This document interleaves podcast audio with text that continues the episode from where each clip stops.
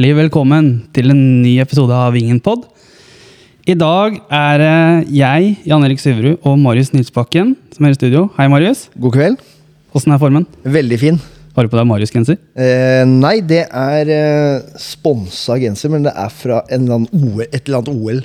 Å ja, OL. OL OL-genseren i sikkert Vancouver. ok. Men Marius, vi har med oss en gjest i dag. Det har vi. Han er kjent fra Rådepodden, blant annet. Eh, ja, han har vært nei, assistenttrener rundt A-laget i Rådet. Han har vært eh, ansatt i Fredrikstad Blad. Jobba med en annen klubb litt lenger nede i sør i fylket. Og mm, vært en del i avisa, blant annet, fordi han har hatt korona og litt sånne ting. Eh, velkommen til oss, eh, utviklingsansvarlig i Moss fotballklubb, Jakob Berg. Takk for det. Hyggelig å være her. Ja. Um, hvordan er det? Rådepodden, hvordan går den? Den er vel eh, død, ja. Den er død. Hvor mange episoder ble det? Nei, det ble det tre-fire stykker. Ja. Ja. Og da ga det ikke mer? Nei, Nei. da var det slutt. Og ingen som lytta på? Nei. Ikke? Nei. Jeg hørte på det, men jeg Ja, jeg det var bra... eh. Jeg bra. stilte, stilte jo spørsmål òg. Ja, ja, Nei, synes det fra var spøk fine. til alvor så tror jeg faktisk det var en del lyttere. Ja. Altså, til råde å være så var det vel opp mot en 300-400-500 på noen av de episodene. Ja, men det er bra, det. Eh, og det har vært litt sånn spesielt rundt covid, og spesielt eh, klubber som ligger og surrer litt nede under toppfotballen. Når de har egne podkaster, så elsker folk å lytte til sånne ting. Absolutt. Det er jo en del sånne breddefotballpodkaster ute og går nå, så Ja. det er helt strålende. For folk ønsker informasjon og liksom hvor man kan få tak i det, og da blir det jo når man har egne, skaper eget innhold. da. Absolutt. Eh, Men eh, Jakob, hyggelig at du har tatt deg tid til oss. Eh, Vi bare kjører en liten vignett, så setter vi i gang det hele.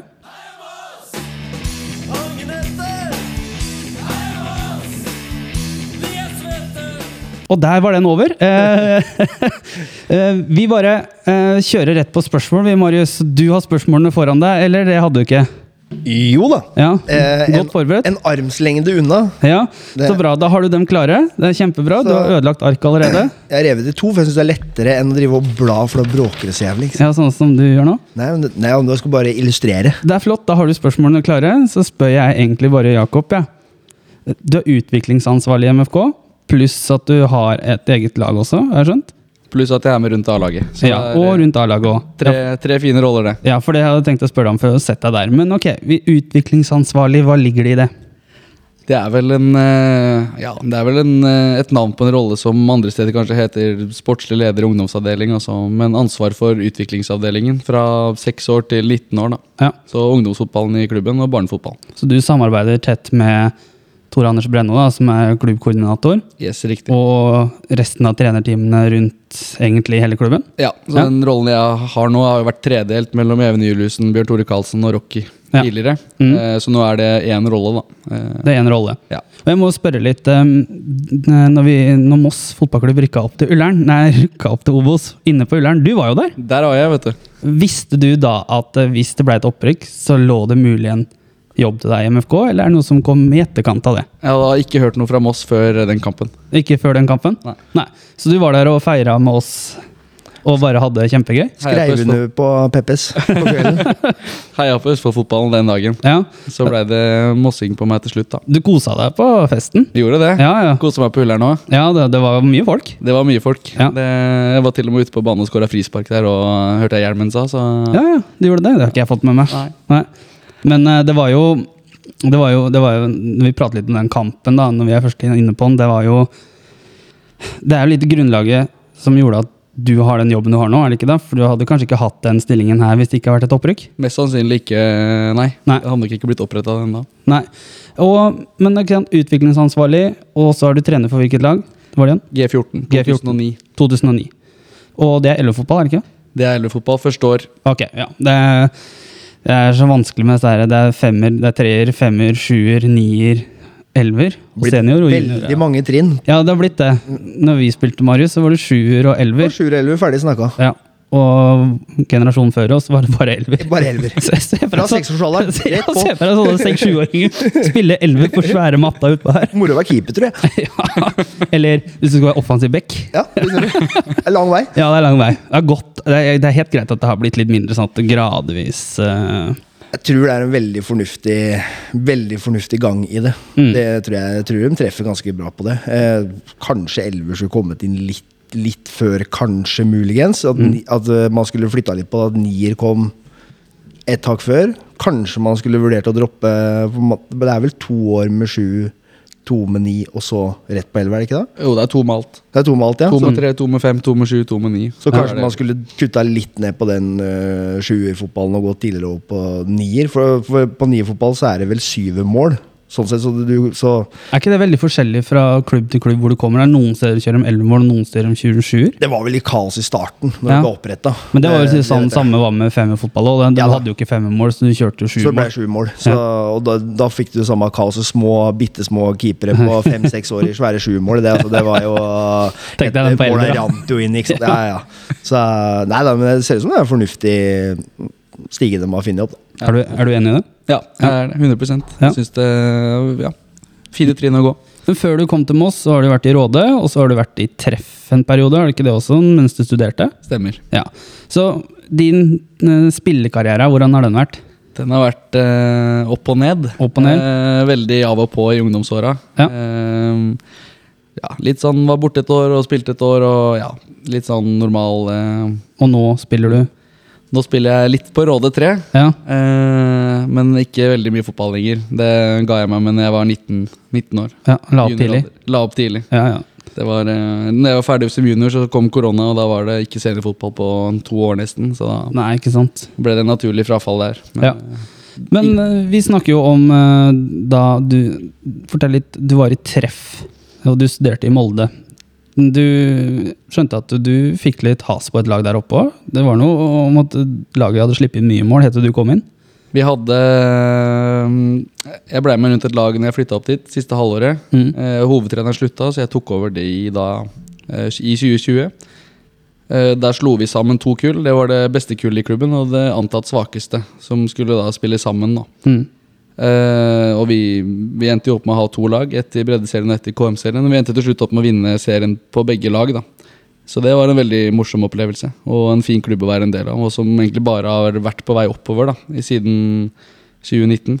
Ja, Eh, De er jo nå- i Post Nord-ligaen Ja. eh, på andre året. Og det er jo egentlig ganske sykt ut fra forutsetningene og økonomi og alt sånne ting. Men ja, veldig imponerende den reisen den klubben har vært på. Ja, for har de, det er ikke de som har hjemmebane på gamle Molde stadion? Eh, de trener der, Ja. lite grann. Ja. Uh, det er jo ingen som spiller der lenger. Men, Nei, det er bare friidrettsanlegg, liksom? Ja. Så det er jo synd at det ikke spilles fotball der. Jeg kan ikke si at jeg har så gode minner derfra, for eh, Rakk ikke dem. Nei, vi rakk ikke det, vi. Nei. Men vi har vært der. Vi har vært der, ja. Ja. Det har vært plukka gress. Yes. det, er en, det er en strøken matte. Altså, det er synd det ikke blir spilt fotball der. For den Ja, er fin, altså. ja, det, det, det må jeg si, det er synd. Men også og så tilbake i Råde. Så var det tilbake i Rådet. Da var det fortsatt covid, med, men jeg var med som assistent da i et halvt år før vi fikk spillesesong. Ja. Eh, Sprint Jeløya rykka opp, og så var det en hel sesong i fjor der vi røk på tampen mot Sandefjord i kvalifisering, opprykkskvalifisering. Ja, og nå, hvis, når vi er litt inne på det, det har vel vært litt eh, Det er vel noen spørsmål her om det òg, Marius, er det ikke det? Med, med Råde, men eh, bare litt sånn kjapt inne på det. Den der 2021-sesongen er halv sesong, er det ikke det? Altså, tenk at eh, i en normal sesong, og du vinner alle kampene utenom én, og du vinner ikke serien, du rykker ikke opp. Og Spør har jo spurt Sprint Jeløy om det samme, liksom. Du vinner alle kampene i serien, men allikevel så er det ikke garantert et opprykk. Hvordan er det liksom egentlig? Altså, spesielt da, tenker på 2021, at du taper én kamp, og du vet at hvis vi taper den her, så ryker opprykket, med mindre sprint knekker beina sine og ikke kan gå, og ikke kan møte opp til kamp.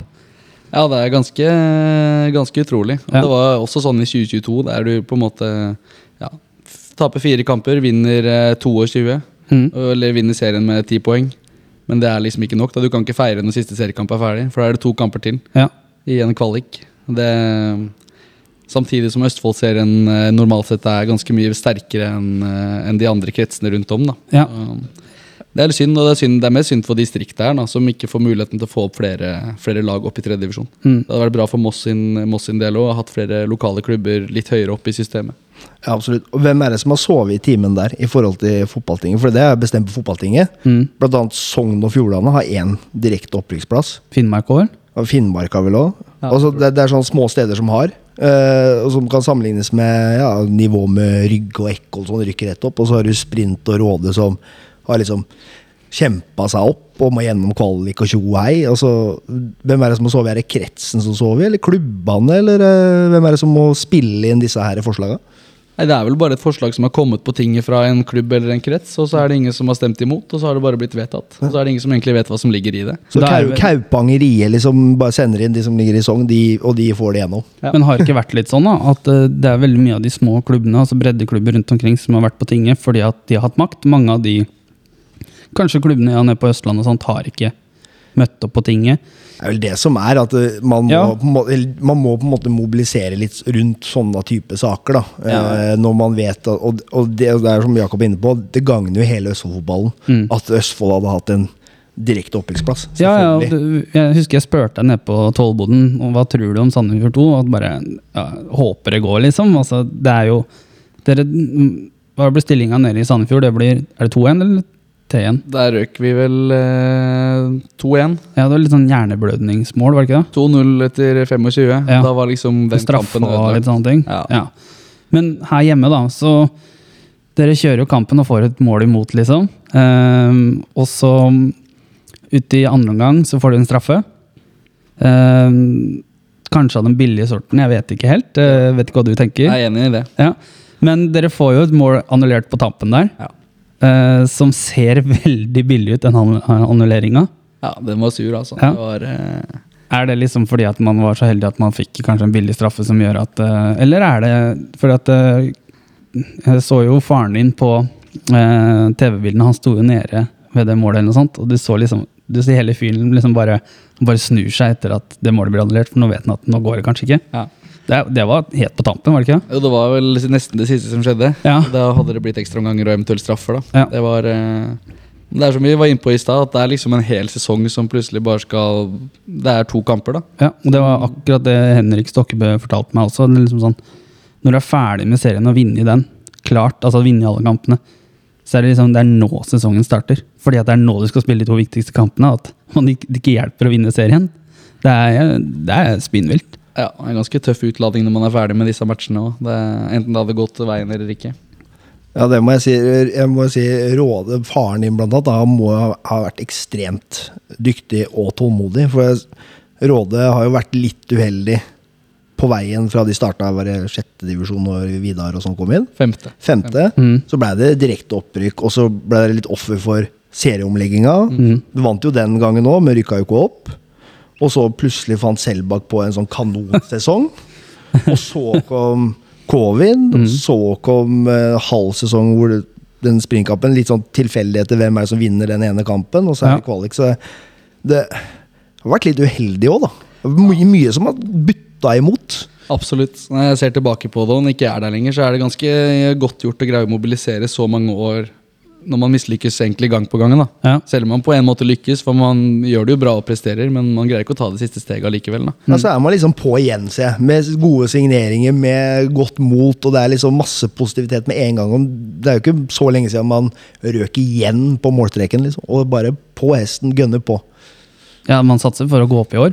Ja, det Alle det gode ting heter det. Gjør det vel hvert år, så Men faen, hvem er det som skal ta kvaliken i Vestfold nå? Uh, Sean Constable og Flint, kanskje? da? Ja, eller uh, FK Tønsberg eller noe sånt. Jeg vet ikke om Nei, de er det. det lukter nok et uh, gjensyn med Sean i Østfold-fotballen her da, ja. Med den som vinner herfra. Men uh, de andre lagene ser sterke ut i år òg. Nå er det liksom ikke noe Nå er det litt konkurranse igjen, da. Ja. Det, det var det jo egentlig ikke i fjor. Nei, for de to foregående årene så har jo Sandefjord 2 vunnet den avdelinga til sommeren omtrent. Har de ikke det? Jo da, de har det.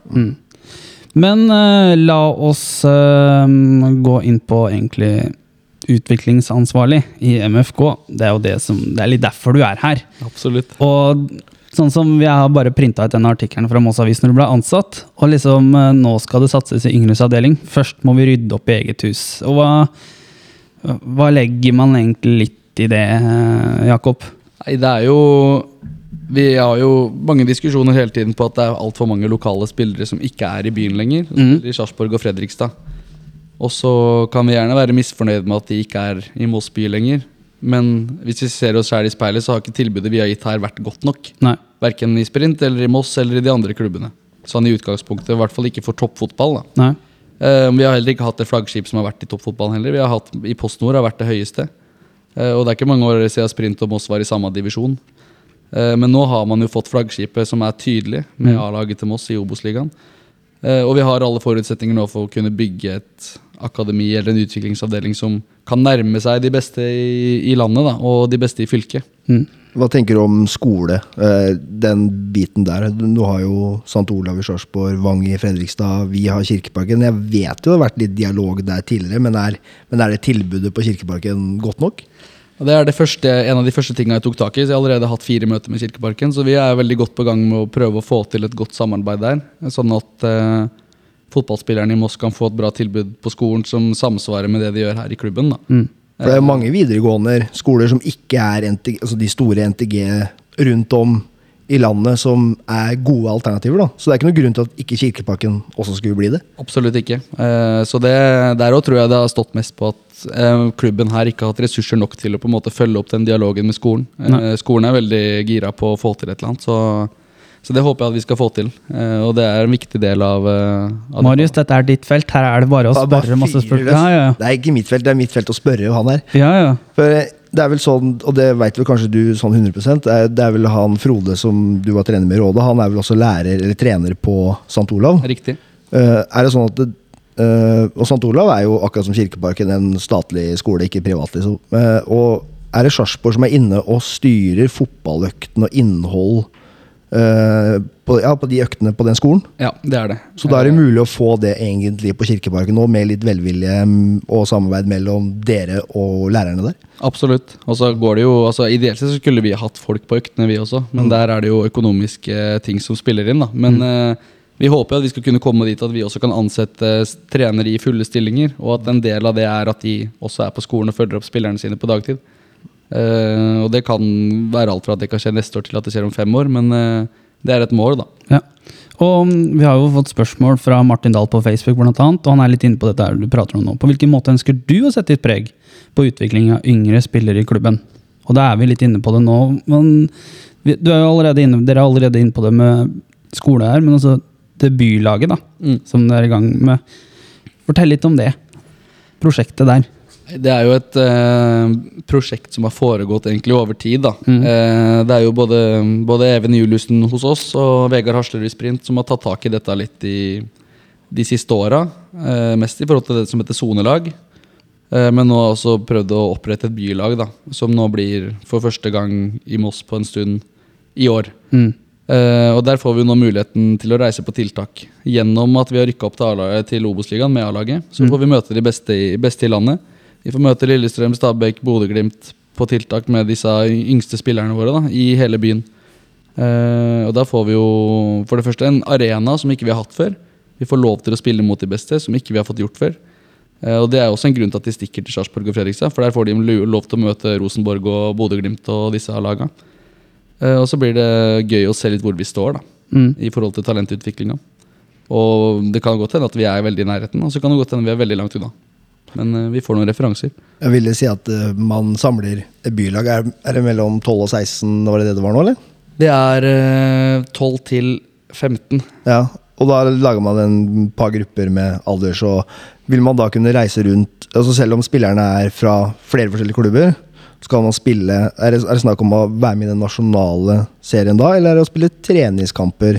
Typ treningskamper hvor de da drar på seg Moss-drakta for de kampene og er med på turneringer og sånne ting, da, mot f.eks. Rosenborg og er det som er tanken, liksom? Ja, det er det siste. De har en trening i uka, i utgangspunktet utenom sesong, der man samler spillere fra alle klubbene som er lengst fram da, i klubbene sine. Enten de spiller i Rygge eller Kambo eller Moss. da. Men når de er på tiltak og spiller kamper, så spiller de Moss fotballklubb sine drakter. Mm. Eh, og det er jo egentlig enkelt og greit fordi at det er Moss fotballklubb som har tilgang på disse tiltakene, fordi at A-laget her i Obos-ligaen. Ja. Eh, hadde det vært sprint, så hadde vi spilt i sprintdrakter. Så det er jo på en måte, det reguleres jo av NTF. da. Ja. Eh, men mye av jobben min nå som utviklingsansvarlig er jo at vi kommer oss inn i den akademiklassifiseringa som gjør at vi kan spille disse nasjonale seriene som går over hele sesongen. da. Mm. Ja, for man kan spille de treningskampene og cupene selv om man ikke er inne i den akademiklassifiseringa enda. Ja. Ja. Mm. Og det er, eh, som det står i den artikkelen med deg, altså det er Jævlig vanskelige ord. nasjonal serie. Nasjonale serier, ja. Ja. Det er noe vi ønsker å komme oss, eh, komme oss inn i. Eh, Men er det sånn, for eksempel, man ønsker å komme inn i det, men man har jo prata litt om at man har jo mangla et tilbud. Er det lurt å kanskje kaste oss inn i det? eh, om hvis vi ikke har Hvis de spillerne og de unge spillerne vi har her i klubben, kanskje ikke er på det nivået ennå, er det greit å kanskje spille seg opp sånn at man får blir bedre og bedre til at man tar den muligheten istedenfor å kaste inn, så er det plutselig på dypt vann og du ikke kan svømme? Eh, det, har du noen tanker om det? Vi har jo, Klubben hadde jo et valg om de skulle melde seg opp allerede i desember i fjor Ja. for å være med i år, eller i hvert fall få muligheten til å prøve å kvalifisere seg inn. da. Eh, Men eh, det valgte vi ikke å gjøre, nettopp litt pga. det her. da, At vi Mm. må få ting på plass, og at vi må ha et godt tilbud. Og at vi må føle at vi er i nærheten før vi skal melde oss på noe sånt. da. Ja. Uh, og før vi på en måte gir det et forsøk. Uh, og så er det veldig mye som må på plass sånn organisatorisk for å få muligheten til å være med i disse nasjonale seriene. Det er voldsomme krav som stilles. Det er uh, sinnssykt mange kriterier, og mange av de må oppfylles. Så får du et visst antall stjerner for å altså det, er, det er et komplekst opplegg, da. Men, men ja, som du sier, vi, vi må prøve å få et godt tilbud på plass hos oss. Og så forhåpentligvis på sikt at vi kan delta i nasjonale serier og gi de beste spillerne i Moss by et bra tilbud. da. Jeg tror det er fornuftig og myk overgang for alle klubber og spillere i Moss. Eh, at man ikke melder seg opp riktig enda For det er, sånn, det er bedre den løsningen man gjør nå, at man samler de beste spillerne og drar på cuper og treningskamper, enn at man skal gå rett inn og tømme lag og samle de beste med en gang sånn brått. Jeg tror det er fint å få en sånn myk overgang. Så tror jeg alle må skjønne når A-laget til Moss kommer oppover systemet, og da må jo klubben opp, og da må også man selvfølgelig ut og plukke. Så godt, godt ord, ordtak på det var jo fisking. Mm. Så det er jo ikke fisking, det er jo rekruttering, da. Og det må man jo bare regne med. Vi, altså Klubbene rundt må jo bare regne med det. At det er de beste For man er vel Er det 14 og 16 og 19? Det er blitt endra nå til 15 og 17, Ja, ok, ja. så Så da, da, slipper man, ja, da slipper man å begynne så tidlig, Mm. heldigvis, da. Så det er jo Ja, det er fornuftig å vente litt. Og på 15 så kan du ha fritt antall hospitanter fra andre klubber, uten at de må spille i Moss fotballklubb. da. Ja, det er jo. Ideelt sett, eller sånn I utgangspunktet så trenger man ikke å hente spillere før de er 17 år. Nei. Det er sånn som Odd, Odd gjør det i Telemark, og lykkes veldig godt med den modellen. Ja, ikke sant. Eh, Du nevner jo litt på det her, liksom at man fisker rundt omkring. Og det er jo rett før du ble ansatt, eller akkurat det momentet du ble ansatt, så var det jo en sak i avisa med bl.a. min barndomsklubb, da, Øråsen, som følte at man hadde vært og tatt spillere, eller litt sånne ting, da. Og det er jo, du har jo sikkert eh, hørt det sjøl, liksom at det har litt vært litt sånn typisk MFK, at de har hatt en rykte på at de har gjort det. Vært og tatt spillere, og kanskje ikke gjort helt riktig. Um, hvordan, litt det med bylag og så videre, samarbeid med andre klubber. Føler du at det er liksom at du må ut og liksom slukke branner? Nei, det er, nå i utgangspunktet i begynnelsen har det vært å på en måte komme med mine tanker og mitt syn på hvordan ting skal være. Så får Ja. ikke gjort så mye med det som har vært. Nei. Eh, men det sitter jo i, i noen klubber, det merker man jo. Eh, og det er jo naturlig at det gjør òg, for det har jo vært ting som ikke har vært som det skulle. Ja, det tar jo tid å bygge litt tillit. Absolutt. Du ser jo det bare på vi som supportere av laget òg. Vi sitter og prata om at hvis noen hadde sagt at vi skulle rykke opp og lede sånn som vi gjorde til sommeren, så hadde vi ikke trodd på det. Eksempel. det sto jo noen ute på kunstgresseren som sa at nå har vi noe på gang etter andre treningskamp, og vi bare nå må vi vente litt, liksom. Fordi at eh, man har, altså, man har erfart tidligere. Altså, man har opplevd smeller på smeller på smeller. og Det er jo litt det samme som at tilliten er ikke stor rundt omkring på de forskjellige klubbene fordi at man nettopp føler at man opplever sånn som da Øråsen opplevde eh, her i, i år, da. Marius. Så tror jeg veldig mange altså, Nå har Moss vært litt i bakgården, og Mosseregionen vært litt i bakgården. Mm. Eh, men fotballen og den der rekrutteringa har jo endra seg ekstremt. Altså, det har ikke vært eh, altså Sarpsborg 08 og Fredrikstad, som har vært i det selskapet lenge, de, de er ikke voldsomt populære alltid, de breddeklubbene de gjelder. Det er mye sånn eh, der òg, og selvfølgelig innover i Oslo og overalt, så er det mye, er, er man i toppfotballen, så er det litt av, litt av hverdagen at den beste klubben vil ha de beste rundt om, men så er det klart det kan gjøres på flere måter, og ikke minst kommunikasjon. da. Men jeg tror klubbene rundt, og ikke minst foreldre, må forstå at det, sånn er det nå. Det er, det, er litt, det er blitt litt annerledes enn det det var. Skal man henge med, så må man, og, da, og det er jo helt naturlig at de beste rundt om møtes på det laget som er på høyest nivå. da. Mm. Så er det jo mange veier altså alle er nok til syvende og sist enige om at eh, spillerne kommer til å havne i Moss når de er for gode til, sitt egen, til sin egen klubb. Eh, Men det er jo litt disse overgangene på 10-11-12-åringer som må vekk. da. Altså En 15-åring som er for god for å være i Rygge, er det naturlig at kommer til Moss på et tidspunkt. Men det viktigste for oss som klubb er jo at vi skal få gode nok spillere til å få lokale spillere på A-laget. Og om veien dit er at de er i sprint til de er 20, og så kommer de rett til A-laget til Moss fra A-laget til sprint, eller om de kommer når de er 14 og er her hele ungdomsåret, det er uh, veldig individuelt. da. Men vi må også greie å se det En 16-åring som får lov til å spille på A-laget til sprint nå, i en alder av 16, har mye bedre utbytte det enn av å spille inn til G16 her i Moss i, i en sesong. Så vi må greie å se det klubben, fra klubbenes perspektiv òg, da. Og målet er jo at vi skal ha lokale spillere på A-laget til Moss. Målet er ikke å vinne G15-serien hvert år. Det, så hvis de har god utvikling i klubben de er, så er det ikke noe vits at de skal flytte på seg. Nei, Med mindre det liksom er flytting eller litt sånne ting, da. Ja, da, Der er det jo Ja. sånne naturlige årsaker, da. Mm. Men eh, vi må sammen med klubbene finne den beste utviklingsveien for de fremste spillerne vi har her i byen. da. Ja, ja. Noen, I noen tilfeller så er det å bli værende i klubben sin i to år til. Mm. I andre tilfeller så er det å komme til Moss tidlig. Jeg syns du sier det jævlig bra der med at målet er ikke å vinne G15-serien. Jeg tror det har vært det. litt sånn eh, tankegang rundt om eh, i klubbene. At vi skal gjøre det best mulig i G14, i G15, i G16-serien sjøl. Mm. Ikke sant? Eh, de, de mindre klubbene skal liksom Det er liksom målet til klubben, eller kanskje ikke nødvendigvis klubben, men trenerne, da. Og så da skal man tviholde på sine beste mm, hele veien, fordi at eh, målet er å, at laget mitt skal vinne KM. Men man tenker jo ikke på kanskje alltid spilleren.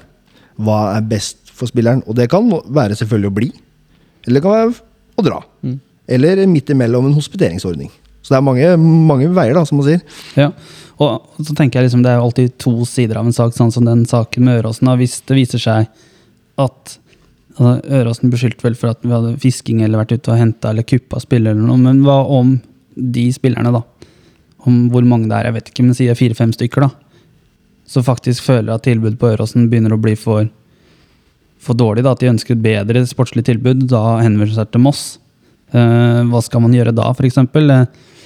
N- Når jeg gikk på Øråsen, så hadde man en sånn muntlig avtale, eller en sånn derre gentleman's agreement, at når man var ferdig i Øråsen, så skulle man gå til Eckholt. Eh, Men det var jo ikke noe sånn at du må gå til Eckholt, egentlig. Jeg vet ikke hvordan de er det, om du fortsatt har det. Jeg vet at Øråsen Eckholt har et samarbeid nå, når du går fra sjuer til nier og elver og sånt. For de fasilitetene har vi ikke der nede. Jeg merker jo nå, etter at A-laget rykka opp, og etter at jeg kommet inn i jobben, at det er jo nesten henvendelser hver eneste dag fra spillere i andre klubber som har lyst til å komme til oss. ja. Uh, men på, altså, vi har jo nødt, vært nødt til å begynne å si nei. Mm. Uh, både fordi at vi har egentlig nok spillere hos oss, og nok gode spillere. Mens de andre klubbene kanskje kan lide av at vi tar en eller to til fra dem. ja. Um, men det er jo spillere som allerede har bestemt seg for å dra. Det er vanskelig å snu på sånn sett. da.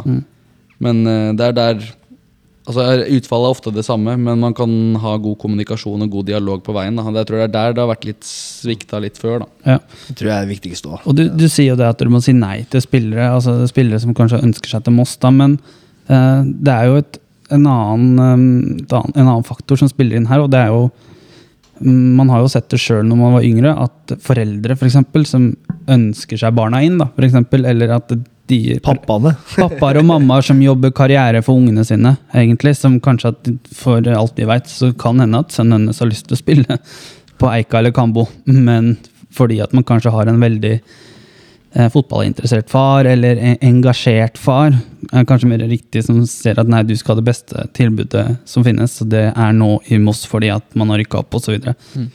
Um, hvor viktig det er å liksom se faktisk eh, spilleren også, om det er gutt eller jente som ønsker seg til Moss. Altså faktisk, Jeg regner med at dere har pratet med spilleren også.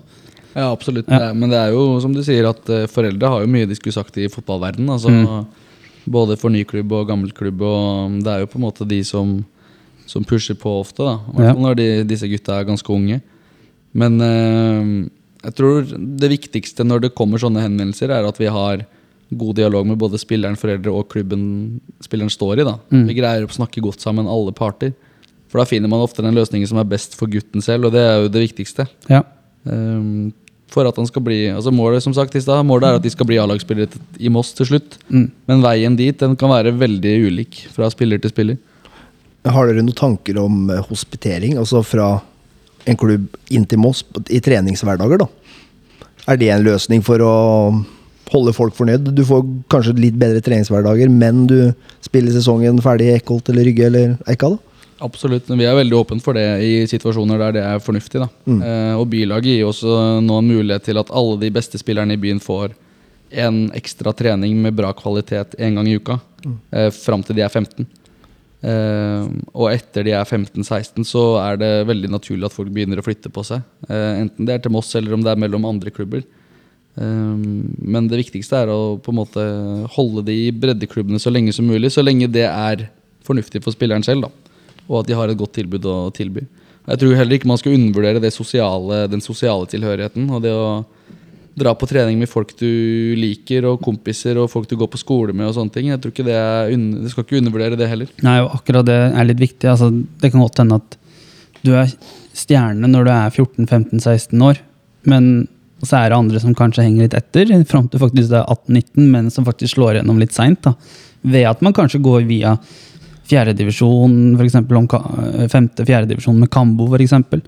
Eller gjennom Råde, eller rekker ut laget til Moss, Sprint 2 osv. Det, er- det er mange veier til rom, da. Absolutt. Mm. Det er eh, ingen fasit. Nei, og det, det er jo ikke alle kan ikke være Martin Ødegaard, som får debuten sin i Eliteserien i en alder av 15 år. Nei, Det er ytterst få. Det kommer sikkert aldri til å skje igjen heller. Nei, også hvis du ser på Hvis du tar, øh, hvis du tar Erling Braut Haaland, som debuterte på seniornivå for Bryne Han har ikke skåra noe mål for Brynes A-lag på toppnivå, eller øh, ja, for A-laget. Jeg husker ikke om han spilte PostNord eller øh, første Ja, det var- gangen. Jo, de rykka vel ned fra Obos en gang? Ja, og han ble jo egentlig litt sånn kasta inn i det for at man ikke hadde noen andre. Og når ikke du har gode nok medspillere, så er det vanskelig å liksom være one man show. Og så var gutten 16 år, da. Mm. Men du har jo han i Rosenborg, han som debuterte i fjor som 15-åring. Sverre Nipan, ja. Ja. Mm. Og du har jo da en Ja, og du vet jo aldri om han, hvor han er om fem år. Det kan være at han spiller for Byåsen ikke sant? i tredje eller andre divisjon. Du veit aldri hvordan karrieren går. Absolutt ikke. Nei. Ting snur eh, fryktelig fort i fotball. Ja, ja, ja. Eh, men Marius, vi har vel noen andre spørsmål her òg, har vi ikke det? Ja, vi har jo en hel Vi har jo altså, Spørsmålsmaster Martin Dahl er jo, er jo på hugget. Vi har jo snakka litt om det, hvordan tida i Råde var, og hvordan ser du på utfordringene i tiden som kommer i MFK. Vi har vært litt inne på det. Hva vil du si er likhetene og ulikhetene på hvordan man jobber med talentutvikling i Råde og MFK? Er det noe sammenlignbart, liksom, selv om det er noen nivåforskjeller på A-laget? Det er vanskelig. Man jobber jo på en måte med folk og fotball på samme måte, da, uansett hvor gode spillerne er. Men eh, i Råde så sliter man jo med at man har veldig små kull. da. Der har du jo liksom lag som kun er 12-13 stykk. og så Du har ikke så veldig mye mulighet til å rekruttere heller. Da må du rekruttere folk som ikke spiller fotball fra før. Det er, eh, så det er stort sett veldig små kull og vanskelig og Det er ofte sammenslåtte kull. da. Eh, Det er en utfordring i forhold til det. Så har man jo heller liksom Man har jo Men man har flink, vært flinke til å få A-laget til å bli et sånn flaggskip og noe å jobbe mot, selv om man er i fjerdedivisjon. Så tror jeg ikke en 6-7-8-åring har så stor formening om eh, forskjellen på et A-lag i fjerdedivisjon og et A-lag i Obos-ligaen. Eh, A-laget er A-laget, og det er på en måte det man ser opp til allikevel. da. Ja. Man kan sånn bygge profiler i 4.-5. divisjon også, rundt på et A-lag. da Ja, Man kan ja, ha ja, kan- forbilder. det kan man gjøre. Ja. Gjør klubben det riktig, så får man, som du sier, de smågutta så lenge ser opp til. liksom, som, altså, Når du er i fjerdedivisjon, så må du gjøre litt mer for det, kanskje en eh, førstedivisjonsklubb. da, Hvor at du må delta på trening og være synlig. Eller sånt, må få et spille, forhold til de som spiller der, som gjør at man har et mål. For det er kanskje det er ikke alltid like, som du sier, altså når du har så få kull som det man har, og så har man det A-laget med de spillerne som dere har hatt. da, har, Det har jo vært navn, det må man jo si. Absolutt. Og er det, når man har hatt så store navn, så har det kanskje vært vanskelig å få opp yngre fordi at det kanskje ikke har vært så mye å ta av. Har det en, vært en utfordring? De har jo, det er jo ofte sånn at man starter med ganske få på et kull, og så når man blir 13-14, så forsvinner de beste til Fredrikstad eller Sarpsborg 08. Ja. Eh, eller andre klubber som satser litt. Det er jo alltid ett lag på ett kull som er veldig gode. Mm. Tune, for eksempel. Tune har vært der nå i det siste. Når jeg vokste opp, så var det Skogstrand som hadde et par gode kull. Mm. Med Thomas Rekdal og en bra gjeng med spillere der. Um, så da mister man ofte de beste, da. Eh, og da blir det litt mer sånn breddepreg på, på laga under. Juniorlaget vår til Råde har vært ofte flinke til å satse litt og være litt framme i skoa. Men, eh, men det er ofte fordi at de beste kommer tilbake igjen. Fordi at det er veldig få som drar ut og som lykkes. Men er, er på en måte Råde en sånn type klubb, f.eks.? Ja, man kanskje ikke har så veldig mye Jeg vet ikke hvor store tropper det har vært på juniorlaget til Råde, da, men eksempel hvis man har veldig mye spillere her Det er jo ikke så langt til rådet, men hvis man har muligheten til å bli kjørt til og fra trening eller, eller ja, transport, da, at det er også en samarbeidsklubb, at man kan hospitere. Altså, jeg tror du hadde passa inn f.eks. i Råde, da, for der hadde du fått spilletid og vært i en gruppe med som du blir satt i fokus på, da. Absolutt. Jeg tror alle klubbene rundt om i distriktet her har ulike holdt på å si, egenskaper da, som kan passe til forskjellige. Altså, og igjen, hadde A-laget til Råde rykka opp, så hadde det vært kjempepositivt for Moss, tror jeg. da. At vi har både Sprint og Råde da, som, som er oppe eh, i tredjedivisjon, som er en fryktelig god utviklingsarena. Der man både kan låne ut spillere, både på, fra juniorlag og, og A-lag, ikke for den saks skyld, men eh, men eh, absolutt. Rådet er jo i, i sone Moss i utgangspunktet, da, når vi tenker sonelag og sånne ting. Ja, og Marius, du har jo vært i Rygge i mange år. Eh, hvordan har Yngres avdeling vært der? For jeg har alltid sett på Rygge som en relativt stor klubb, egentlig. Et ganske stort område, nedfallsområde, har de ikke det? Jo, det har vært, og så har det blitt veldig smått. Og så ser det ut som det vokser litt igjen. Men eh, for når vi var yngre, så var det store kull. Mhm. Og så virker det som det har eh, dødd ut litt der. Det og så vært veldig, vært veldig høl. Da vi hadde ikke noe 2002- og 2003-lag. Ikke noe 2004 heller, Har de, faktisk. men de spillerne, hvor har de havna hen? Har de havna i Eckholt eller noe sånt, da, eller? Det har ikke vært eh, folk, rett og slett. Men eh, nå har det blitt mye mer bebyggelse og, vel, altså, og vært attraktivt for barnefamilier, nyetablerte, å etablere seg. Så de minste kulla nå, eh, helt opp til nå 2008, er ganske store kull, de aller fleste.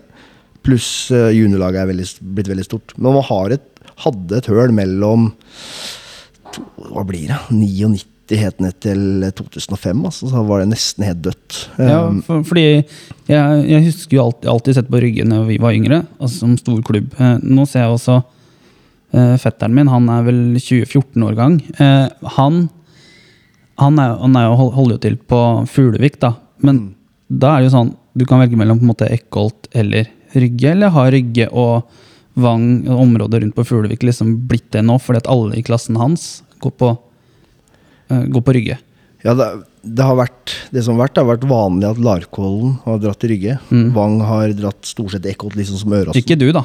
Ikke jeg, eneste. For jeg skulle spille på gress og ikke kunstgress den gangen. Eh, men så har det vært litt sånn Men så har Vang gjort litt forskjellig opp igjennom. Det kommer an på hvilken klubb tar først kontakt. Ja. Eh, Men skoleidrettslaget der, eksisterer det lenger? Det der er Wang Ja, det er et par smålag til enda. ja, Så- Da er det smått? Det er smått, veldig smått. Ja. Så det er samme som Larkollen har veldig små, små kull, for å si det sånn. Ja. Eh, Så de eh, Og så er det jo klart at nå samles jo ungdomsskolen oppe på, på Breisand. Så mm. Før så var det liksom, begynte jo Larkollen-elevene på Halmstad ungdomsskole, så det ble helt naturlig. Ikke sant? Men nå så flytter Nå skal jeg til og med de gå på Kall det Ekkolt ungdomsskole i Gåsøyene. Så Ja. alle samles på Ekkolt. Så det kan jo være en utfordring for eh, for Rygge. da At det, det blir en sånn sosial møtepunkt der, og da tenker folk at eh, det, da begynner vi på Eckholt. For jeg husker når, når jeg vokste opp, så var alle foreldra var sånn. Ja, men du skal begynne på Eckholt ungdomsskole, da begynner du jo på Eckholt eh, ballklubb. Mm. Så det var en sånn helt naturlig tanke om foreldre å tenke, da. Så hvis det fortsetter sånn, at hvis den mentaliteten er der enda, så begynner eh, Rygge å slite etter hvert. Blir, eller, og Eckholt ikke minst, da, som er én 11-bane og én 7-bane, hvis de skal ha veldig store kull. Ja, ja. Mange lag. Ja. For Rygge har fryktelig god plass. Det er Ja. to svær eh, gressflekk som kan, ja, kan Kan så litt mer gress der, og så bruke det? Ja, men du, har, du får plass til to 11-baner der nå, Mm. på gress. Og så har du kunstgress og en to treerbaner. Så det er ganske god plass. Ja. i forhold til Så per spiller har mange kvadratmeter. da Mye flere enn f.eks. Lekholt. Men Jakob, eh, hvor mange timer bruker du cirka på Meløs hver dag? Når starter cirka din arbeidsdag? Er du her klokka åtte, eller er det du inn døra her klokka ti-elleve? Det er litt uh, forskjellig fra dag til dag. Uh, stort sett så er det å komme inn i 10-11-tida. Og så er det litt jobbing med utviklingsavdelingen og, og svare mail og litt sånne ting fram til eh, ja, ca. halv ett-ett. Da kommer både Thomas og Even og Rocky inn, og da er det planlegging av A-lagstrening. Og så er det A-lagstrening fra halv fire. Ehm, den er ferdig ca. fem, og så er det ofte en økt med, med de andre gutta jeg har. Eller så er det å observere noen andre lag som trener. Mm. Eh, eller ha møter og sånne ting. Så det er jo stort sett 10-11-12 timers dager hver dag. da Ja. Og du nevnte det. Du er inn rundt A-laget. Eh, Din rolle rundt A-laget, er er det noen spesifikk rolle, eller er du bare med i trenerteamet? Er jo med som en del av teamet med et mål om å etter hvert eh, følge opp disse gutta som hospiterer opp fra juniorlaget. Mm. Eh, som et ledd i det å være utviklingsansvarlig. da. I tillegg så skaffer du deg jo en del gode referanser på, på Hva som kreves? hva som kreves for å komme seg opp på A-laget til Moss. Og det er jo fint å kunne viderebringe til eh, spillerne i utviklingsavdelingen. Da. Både juniorene, men også de som er lenger ned i, i alder. Ja, og man har jo tidligere hatt en sånn gul tråd og litt sånne ting. Man prater bare talentenes teater, Visjon 2020 osv. Eh, men er det noe, på en måte, liksom, er det noe fast som er bestemt? Det er vel en sånn Det var vel en sånn klubb eh, som Even har skrevet, blant annet. eh, Den, Sportsplan? Sportsplan, ja. Som, og hvordan er det å følge den eh, nedover? Altså, A-laget har jo én spillestil. Er det, liksom, er det den som egentlig gjennom, er gjennom hele klubben? Måten vi trener på og treningsmetodikken er lik for alle lag.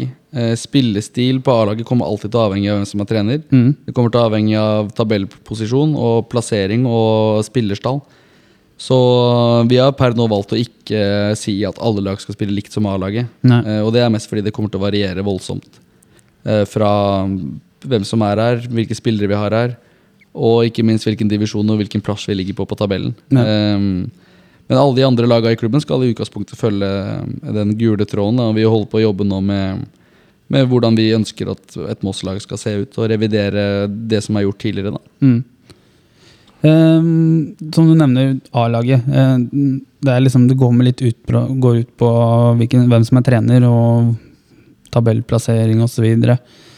Um, hvordan syns du det ser ut nå? Det har jo vært litt treninger. Jeg og Marius var jo her oppe på mandag.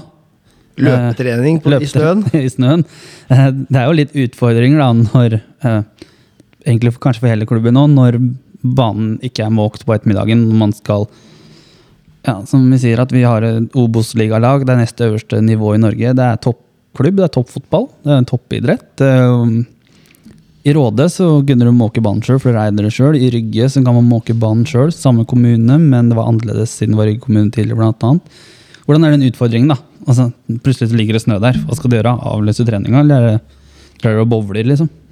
Nei, Det er jo en utfordring, det der. Og samtidig så er vi på en måte der at vi må nesten bare respektere hvordan det er. Og så må vi prøve å gjøre det beste ut av sånn ting er. Eh, og så får vi håpe at eh, man kan løse det på sikt da, med at man kanskje får lov til å måke selv, eller sånne ting. Og så er det jo et begrensa antall del av året at det er sånn.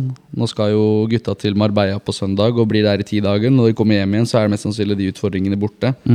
Ehm, så vi må prøve å bruke minst mulig energi på det, og bare prøve å bruke energi på å gjøre laget bedre. Også, Bruke energi på de rette tinga. Ja, absolutt. Så, Da kan man heller være litt frustrert eh, akkurat der og da, men altså, man klarer liksom å legge det fra seg. Ja da, det er jo lett å bli frustrert over sånne ting. Og man ønsker jo at ting skal være på plass, men samtidig så er vi veldig nye i toppfotballen akkurat nå. da.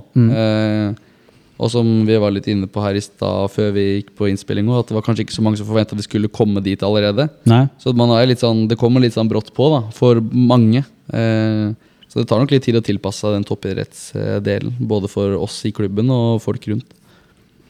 Ja, og mm, han eh, Martin Dahl han har jo spørsmål egentlig til alle. Og jeg tenker jeg egentlig bare kaster den til deg. Han spør liksom rundt nye spillere hvor mange er liksom som venter at man skal hente, hente inn for å forsterke laget. Det var jo en sak i avisa nå i går eller i dag. Fire spillere som håpa å signere kjapt, var det ikke så? Ja, er det liksom, det blir de, også, tenker man da er stallen satt, eller, eh, du, eller skal ikke du uttale deg så veldig mye om det? Ja, det er vel Thomas som holder mest i det, men Ja. det er jo som det, som det sto i Moss Avis i går, at det er fire spillere vi håper på å få på plass før vi skal på treningsleir. Ja, Og så er det jo sikkert eh, i utgangspunktet et ønske om å, å få inn en til etter det, men det er litt sånn Det kommer litt an på om den rette dukker opp, da. Det er ikke noe vi skal stresse med å få tak i. nei. Eh, og man må ha litt is i magen nå på sånne ting. Eh, og vi har hatt is i magen en stund for å være sikre på at de vi får inn, passer oss. da. Både fotball, som fotballspillere, men også inn i gruppa og treningskulturen og hvordan vi jobber her. da. Ja, for der traff man jo ganske godt i fjor, og det var jo blant annet eh, Thomas fortalte det på klubbens kickoff og gjentagende flere ganger i løpet av sesongen. Det er jo det der at man ser etter de spesielle kvalitetene, at det skal passe inn i hele gruppa. da, og husker også Ole Martin var veldig på det også når han var her. at Det, skal, det kan hende han er dritbra fotballspiller, men det nytter jo ikke hvis han ikke går i lag med gruppa og ødelegger hele gruppa. Absolutt. Det er jo en, en av de viktigste tinga. Mm. Og det er ganske tydelig hva vi ser etter i de ulike rollene, og hvordan type mennesker og kultursettere vi ønsker å få inn her. da. Og så er det jo ikke til å stikke under en stol at eh, økonomien er begrensa i forhold til konkurrentene. Så vi må jo også prøve å finne litt de som ingen andre finner, da. Eh, og, og plukke litt opp de, de spillerne. Eh, og det er ikke alltid like lett i konkurranse med, med toppklubber som har vesentlig mer penger å, å tilby i lønn, da. Mm. Men eh, hvordan syns du mm, samarbeid for eksempel, eh, med klubber eh, Bare nevner det pga. Når dere hadde internkampen, så var det du, Kampen ble jo filma. Det var jo du som hadde ordna det. Lånt det kameraet av tidligere klubben din, Mm. Råde. Er, er det sånn som egentlig skal være litt sånn skal man si, litt sånn selvfølge at vi hjelper hverandre her, liksom? Altså, dere, har, dere har erfaring med det. Har dere mulighet til å forklare oss hvordan det fungerer? F.eks. hvis Sprint spør om noe eller Eckholt. Ja, At man kan låne litt utstyr av hverandre og sånt. Det skal ikke være noe problem, det, liksom. Nei, ikke i det hele tatt. Det var senest i går som Sprint tilbød oss å, å låne det kameraet de har, for å prøve det også. For vi holder på å vurdere hva vi skal, hva vi skal kjøpe inn til oss da, Ja. eh, av kamera. Så de, de filma jo kampen mot oss, og det så bra ut. Så tilbyr de også å låne det på en trening eller to for å, for å teste det ut. Da. Så det virker veldig, veldig åpent og fint. Altså. Mm. Ja, men det, det, det er sånn det skal være, er det ikke det, Marius? Helt riktig. Ja. Sånn skal være. Dele på det man har. Hva kan eh, Råde Nei, men eh, Rygge tilby å låne til Moss fotballklubb? Vaffelrøroppskrift, eh, pølsekoker Østfolds beste kunstgressmatte. Ja, Så du sitter her nå og Det- sier at det er Marius har sagt at det er greit at dere Ja, kan ja, trene? le le ledig plass der innimellom. Det er mulig å trene litt tidlig eller veldig seint. Så enten eller. Men jævla fin matte. Jeg vet jo, når de la om kunstgress her, så var de litt ute på ryggen. Ja, det vet vi. Oppussa garderober i tillegg. Når de pussa opp. De, eh, Vi har til og med spilt treningskamper der, både før covid og. Ja, ja, ja. litt sånne ting. Og, ja. Det blir fint der borte nå. ja, ja. Veldig. Nye garderober. eh, Første gangen de er rørt siden 1940. Siden det ble bygd, vel? Ja. Så Det er jo egentlig gammelt tilfluktsrom, er det ikke det? Jo, Det er jo egentlig det det er òg. Jo, det er vel det det er, egentlig. Ja. Men uh, vi går rett på noen spørsmål her, vi som kanskje ikke er litt sånn om MFK, men uh, vi, f- vi kjører på. Fotballmagasinet podkast, FB-magasin på Twitter. Hvor mye savner du oss? Ai, ai, ai. Nei, jeg kan jo jeg Nå er det bare ett riktig svar. Jeg skal, jeg skal ikke ljuge. Jeg hører, jeg hører jo litt på fortsatt. da eh, Men det er jo litt for å følge med òg. Vi skal møte Fredrikstad i andre runde. Mm. Så jeg regner med at jeg blir invitert som gjest når vi har slått Fredrikstad i andre serierunde på stadion der. Så, Ja. så blir ikke det savnet så stort lenger. Så, Og eh, Vegard Sterk, RK Vegard på Twitter. Beste treneren han har trent. Altså, hvem er den beste du har trent? Beste spilleren. Ja. jeg, vil, jeg vil tro at han har lyst til at jeg skal si han selv, da. Ja. Uh, men uh, ja, det er et godt spørsmål. Hvis jeg tenker på kvalitet på de har vært når jeg har hatt dem, så er det jo ikke til å stikke under en stol at vi hadde jo kvalitetsspiller i Simen Kinn Michaelsen i Råde i fjor. Han hadde nok sikkert holdt godt Obos-nivå fortsatt, han, så, så han kan få den, da. Ja. Uh, Nico. Eh, Nikolai FS på Twitter. Hvor stor innflytelse hadde stuemiljøet på fotballcomebacket? Eh, og når det kom, og befinner du deg der du er i dag? Ja, det var litt sånn Stue, det er store bokstaver, så det må være noen forkortelse for noe. For Det er eh, studiespesialisering E, klasse E, okay. på Kirkeparken videregående skole. Ja. Eh, Og du gikk der? Der gikk jeg. Ja. Den klassen gikk jeg. Jeg begynte på videregående, så spilte jeg jo ikke fotball. i det hele tatt Men jeg kom i en klasse der ni av ti gutter spilte fotball, og var veldig interessert. Eh, så det var vel egentlig det som gjorde at jeg også på en måte begynte å spille litt igjen, og til slutt endte opp som trener. og Sånn sett eh, det som har vært Eller starta den motivasjonen til å være i den rollen jeg har nå, da. Mm. Så det var eh, det klassemiljøet vi hadde i, på, på, eller på videregående med mye fotballgutter og, og jenter, for den saks skyld, som var veldig idrettsinteressert. Det var, eh, ja, det var viktig. Du har altså gått på Kirkeparken. Er det ikke sånn Råde er det litt sånn at du det er, no, det er sånn som jeg har opplevd da, med, Jeg har jo venner fra Råde, jeg òg. Det, er- det er enten eller, så går det mot Moss, eller så er det Fredrikstad. Før så kunne man velge Ja. litt. Eh, de fleste som ville gå på en måte litt sånn idrettsretta, de valgte Kirkeparken Mm. utgangspunktet Framfor Fredrik 2. Med mindre man kom på inn på Vang toppidrett eller St. Olav. eller noe sånt. Men nå er det stort sett alle mot Fredrikstad, sånn jeg har forstått det. Ja. Eh, så det har blitt litt endra nå de siste åra. da. Så jeg tror nok vi var det siste kullet som kunne velge litt og ha litt påvirkning på det. Og da har det nå kommet Viken og litt sånn nå, da, så nå er det jo litt annet. Men, eh, men de som bodde på en måte i Karlshus, da, som er nærmest Moss, de sogna mot Kirkeparken. Ok, Mens de som har bodd i Saltnes og litt lenger unna, de var mot Fredrikstad. ja, ikke sant. Med mindre man Søkte seg over. Ja. da... Ja, ja, og det er så klart. Uh, men uh, så er det Christian Tusen av Nordlink86 på Twitter. Uh, han spør hva synes han om kallenavnet hjelmen ga han? Krølle junior. Krøllegutta. Jeg lever fint med det, Ja. men eh, jeg begynner å bli litt tynn, i luggen nå, da, så det er ikke så mye krøller igjen. Så det, jeg tar den. Hver gang, hver gang Råde signerer en god spiller, så jævla krølle der ute, altså. Krøllegutta, det er det det går i. Ja, ja. Ja, Krølle 1 og Og- Krølle 2. Og krølle er jo faren, da. Ja. Ikke sant, så. Mm. Ja, vi tar den. Begynner å bli tynn han òg, så jeg må, i hvert fall i håret. Ja, ja. Nei, men øh, den, det, ja, da fikk vi svar på det. At han tar den. Ellers er det jo, har vi jo f.eks. Breddekungen på Twitter. Eh, største for, forskjellen på Råde og Moss. Beste spilleren du har spilt, Mons. Spilt mot mens du trente Råde. Hvor mange timer i uka bruker du på fotball? Ja. For å ta det siste først. Det med timer snakka vi litt om i stad. Men eh, hvis du regner ti timer om dagen i snitt, så blir det vel 70 timer i uka, da. I utgangspunktet. Ja, det det- blir jo litt.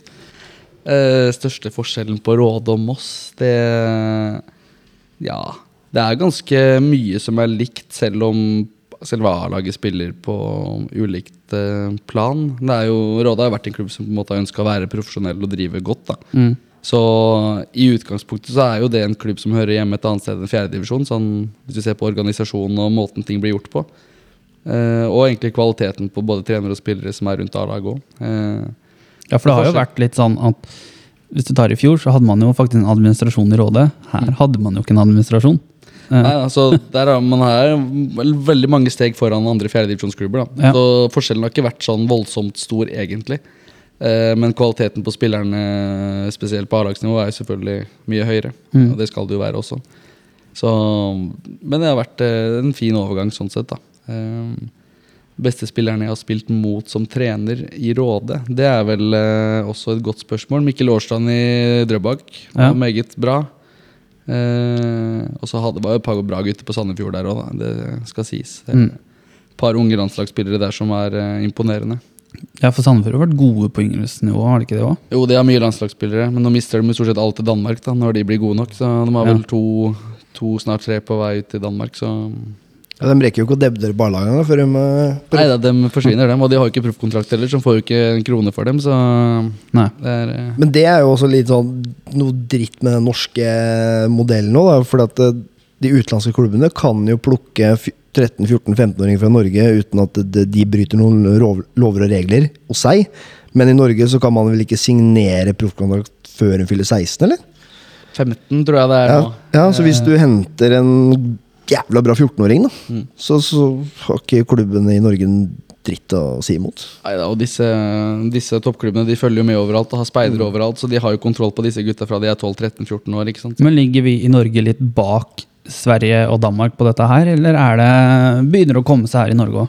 Tror nok Danmark ligger en del eh, skritt foran norsk fotball i forhold til det med scouting og rekruttering. Mm. Eh, Jeg tror nok ikke vi har så mange norske agenter i norske toppklubber ute og ser på svenske, danske, eh, finske, fra Island, altså spillere fra Island eh, når de er 11-12-13-14 år. Det tror jeg ikke. Men Danmark spesielt er flinke der, med Nordsjælland og og Ja, Midtjylland. jeg skulle sånn, akkurat si det. Nordsjælland, ja, som har tidligere proffspiller Mikael Essien, rundt juniorlaget der. Altså, de har en del Og Danmark har vært veldig gode til å hente spillere som av afrikansk opphav, annet Ghana og Nigeria. da. Mm. Og som du sier, Nordsjælland og Midtjylland har jo linker til det. Selger jo for hundrevis av millioner de siste åra, liksom. Ja, men nå har vi jo begynt med det i Norge òg. Hva, Ja. hva tenker du om det? Altså, i, i, I vinter så, ja, Man så Bodø-Glimt litt i fjor, da, men plutselig så, altså, at Molde kan hente en 28-åring, 29-åring som ikke faktisk er i nærheten av noen startplass på landslaget, for 40 millioner. Jeg syns jo det er spinnvilt, disse summene som det blir kjøpt for. da Jeg synes Ja. Det er helt fantastisk, de summene det blir solgt for. Men, mm. men det gjør jo at summene, eller prisene blir høyere. Og den økonomiske forskjellen mellom Obos-ligaen og Eliteserien spesielt kommer jo til å bare bli større og større eh, etter hvert som det her eh, pengekjøret går. da Så det er jo en potensiell utfordring, men det er jo bra for norsk fotball at man blir lagt merke til og satt på kartet. Og plutselig så er det en, en mossing som, eh, som gjør det jævla bra og, og blir solgt for noen millioner, og det hadde ikke gjort noe, det. Nei, altså det hadde jo redda klubbens økonomi. det. Bare et salg på fem millioner, så hadde vi løst mye her, tror jeg. Så, men det, litt det du sier der, altså forskjellen mellom Eliteserien og Obos. da. Eh, Nå, Han er jo trener i Kongsvinger nå, Vegard Hansen var jo i Obos-liga direkte studio i fjor. Og han fortalte jo litt om dette med overganger i Obos-ligaen. Og sa jo det at veldig ofte så hentes det jo spillere kun på free transfer. Det er lite penger involvert, med mindre du er sånn som unntaksdame Brann eller kanskje Start eller de klubbene som og Fredrikstad som har litt penger. da, Men eh, veldig ofte så er det gratis overganger, og, for man har ikke penger til det. Og vi, vi får se nå, da. Ja, nå er det jo millionoverganger i Obos-ligaen og internt mellom Obo- klubber i Obos-ligaen. Det er jo helt spinnvilt. ikke sant? Det er jo, spillere blir jo solgt for eh, det budsjettet som vi har på hele A-laget vårt. ikke sant? Det er jo ja, Ja, helt sykt. Men, eh, så det er, det er forskjellene internt i Obos-ligaen nå er store. så Selv med de klubbene vi føler at vi kan konkurrere med sportslig, da, så, så er det et stykke opp. Ja, um, og når vi nevner klubber vi skal konkurrere med sportslig Nå spilte vi mot Skeid nå sist. Det var jo en um, Hva skal vi se, når vi satt og så på den, så det var litt kjedelig, vil jeg si, egentlig. Uh, men eh, det er kanskje en av de lagene vi skal bør slå i serien for å Ja. ha mål om å overleve, tenker jeg. Absolutt. Kommer hadde jo en god høstsesong i fjor da, og en Ja, ja. kvalik, men eh, det er jo et lag som jeg vil anta at eh, vi, vi vil ligge rundt på tabellen. Og så håper jeg jo vi kan konkurrere med alle. Det er jo ingen sånn brannlag i år. Det blir spennende å se med Fredrikstad, som på en måte nå skal hente inn en haug av nye spillere og snu helt om.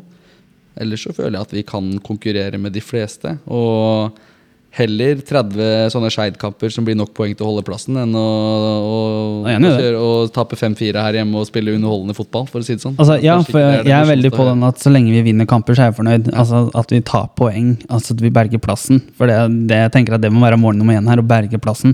Og litt hvordan poengene kommer, det tenker jeg at det får så være. Det er positivt at vi spiller fin fotball, men det er som du sier, jeg gidder ikke å tape 3-0 her mot et lag som kontrer oss i seng. Så, men jeg tror jo, vil jeg vel egentlig si, og kanskje opplever, jeg vet ikke om Marius er enig der, men altså, vi har alt å vinne neste år. Egentlig ingenting å tape. Har vi det? Jeg er helt enig, for det, det er jo ingen som forventer noen ting, egentlig, fra, fra Moss. og Uh, Som har lest litt på sosiale medier, sånn, så er det mange som syns det er kult at Moss og for så vidt Hødd også kommer opp. da Som liksom to gamle travere i, i førstedivisjon spesielt. Så nei, så jeg føler at man kan gå veldig med senka skuldre inn, eh, egentlig inn i, i seriespillet. Jeg synes det, er, det er nok litt klubber rundt, altså, som vi snakka om før, da, med Raufoss, Åsane, som har vært noen år nå, som heller går nok inn i serien Åsane får litt penger nå òg, da. Ja, pga. Muke. Ja. Så dem, plutselig så tjener jo dem eh, ganske greit. Men, eh, men har de råd til å bruke det på nye spillere, eller er det gode penger for sunn klubbdrift? Det er gode spørsmål. Det er vel kanskje litt det ligger i Åsane. Jeg vet ikke. De har vel kanskje et mål om å være Bergens nest beste lag. eh, Så får vi se. Jeg vil anta det. Men ja. det er som dere sier, Moss er jo underdogs. Og jeg blir overraska hvis jeg finner et tabelltips der vi ikke ligger på nedrykk, i hvert fall. Eh, og det er jo egentlig bare Vingen sitt så er det bopprykk. Ja. og, det, og det er jo bare egentlig en sånn sinnssykt deilig følelse for min del. da Nå har jeg gått to år og alltid vært favoritt i alle kamper du skal spille. Og det er ikke noe gøy, det Og alle vil slå deg, og alle syns det er gøy å slå deg òg. Ikke sant? Ja. Uh, og så kommer vi bort på Fredrikstad stadion der nå i andre runde, og hele 12 000 mann som forventer at FFK skal slå Moss.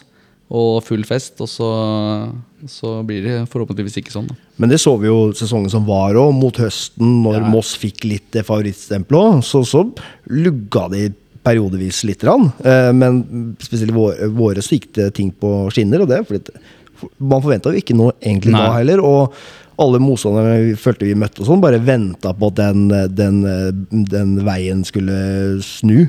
Og bare vente, nei, nå taper de. Nå taper. Men det var fortsatt å fortsette. Og da, Det tror jeg er litt samme inngangen i år, da. Ja. Men eh, jeg tror vi egentlig nærmer oss veis ende, for Jakob han skal videre fordi at han bruker så mye time på fotball. Eh, du skal jo et møte videre, skal du ikke det? Absolutt. Yes, Så jeg vil egentlig bare si tusen takk for at du kom. Eh, vi får oppfordre folk til å kjøpe sesongkort, er det ikke det? Det må vi. Vi skal ha så mye folk på Meløy som mulig på hver eneste kamp. Så Hvordan kan man kjøpe sesongkort? det kjøper du ved å gå inn på eh, Ticketco, er det det? Ja, det, er vel ticketco.com, også noe med oss FK eller noe sånt. Du er ikke helt uh... Google sesongkort på Meløs. Ja, det kan du også gjøre. Uh, nei, det, det bør vel egentlig være en link på hjemmesiden til MFK. Så tror jeg det ligger en fremheva link faktisk øverst på Facebook-siden til MFK, hvis jeg ikke tar helt feil. Men ja, Så er sikkert det er på tide. Kråkevingen flinke, flinke til å pushe litt på Facebook òg, så Ja, vi pusher vel én sak i uka på medlemskap og sånt, og det gir resultater. Det skal sies. Eh, vi har aldri hatt så mange medlemmer i januar som vi har hatt nå. Så det gir resultater. Men eh, tusen takk for at du kom, Jakob. det var hyggelig å være her. Yes. Eh, og så prates vi. Eh, tusen takk, Marius. Tusen takk sjøl. Yes. Um, ha det bra. Ha det bra. Ha det. Kamp på kamp.